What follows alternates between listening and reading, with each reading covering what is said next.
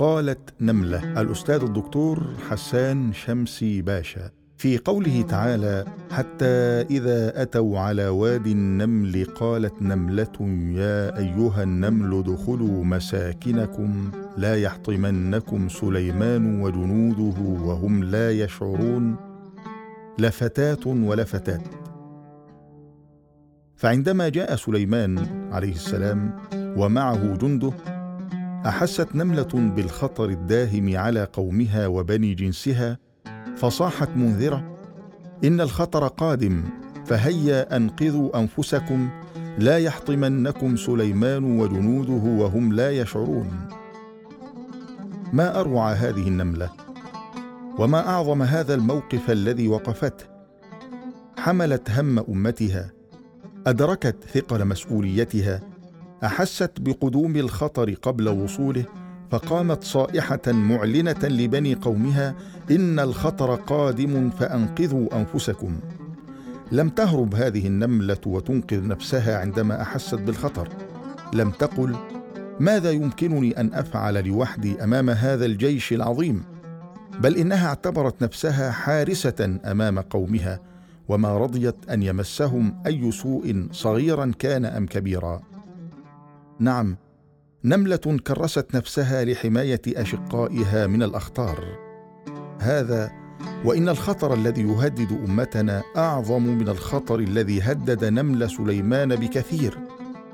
فمن منا يحس إحساس هذه النملة ويسعى لإنقاذ أمته أو يتلهف على حياتها؟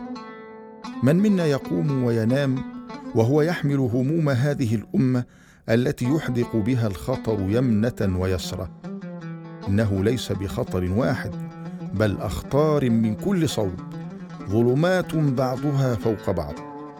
هذا من جانب. ومن جانب آخر يقول تعالى قالت نملة أي يستخدم النملة بصيغة النكره فلم يقل قالت النملة وإنما قال قالت نملة. اذا هي نكرة. هل هي الملكة أم غير الملكة؟ المهم أنها وردت في القرآن بصيغة النكره فهي نملة من هذا الوادي الطويل العريض ومع ذلك لم تحقر نفسها. أما نحن فلا زلنا نتساءل ماذا فعل أهل الحل والعقد؟ ماذا فعل فلان وفلان؟ نرمي المسؤولية أو الذنب والأخطاء على عاتق غيرنا ونحاول أن نبرئ أنفسنا من الأحوال التي أصابت الأمة. نملة نكرة أنقذت أمة. نملة نكرة لا تساوي شيئا حملت هم أمتها فأنقذتها وأخرجتها إلى بر الأمان.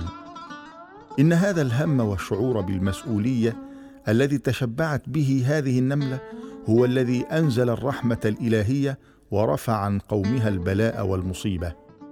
ثم نأتي إلى نقطة أخرى.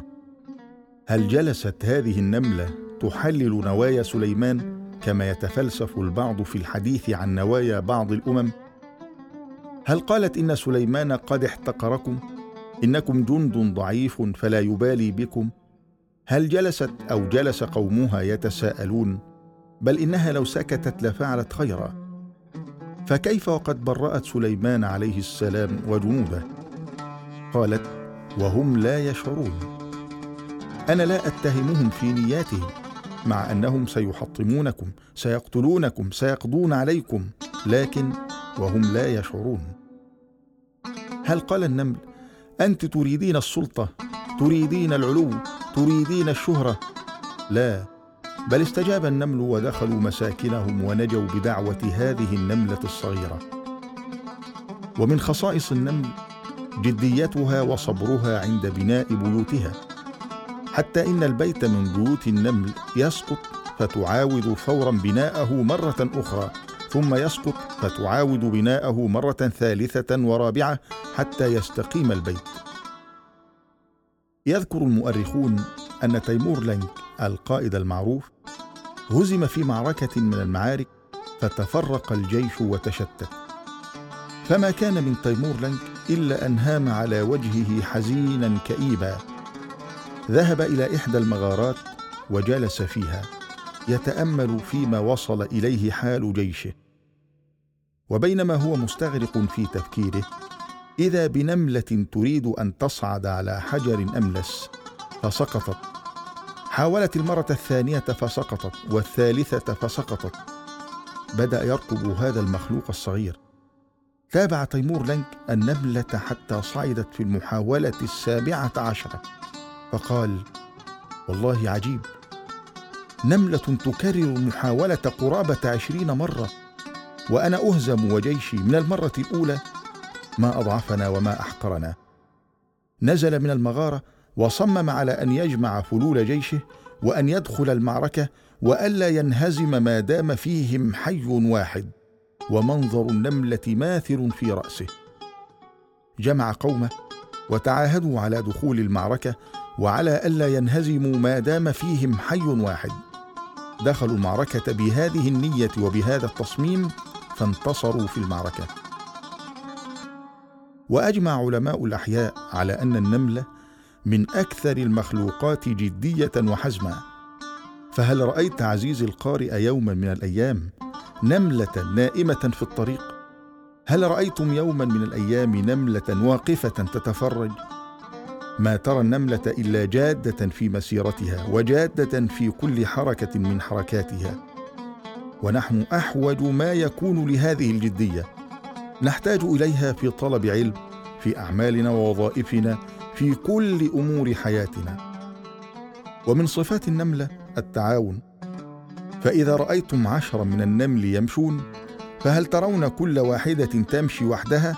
أم أن النمل يخط خطا واحدا فتجد عشرين أو ثلاثين نملة أو أكثر قد خطت خطا واحدا مع بعضها البعض.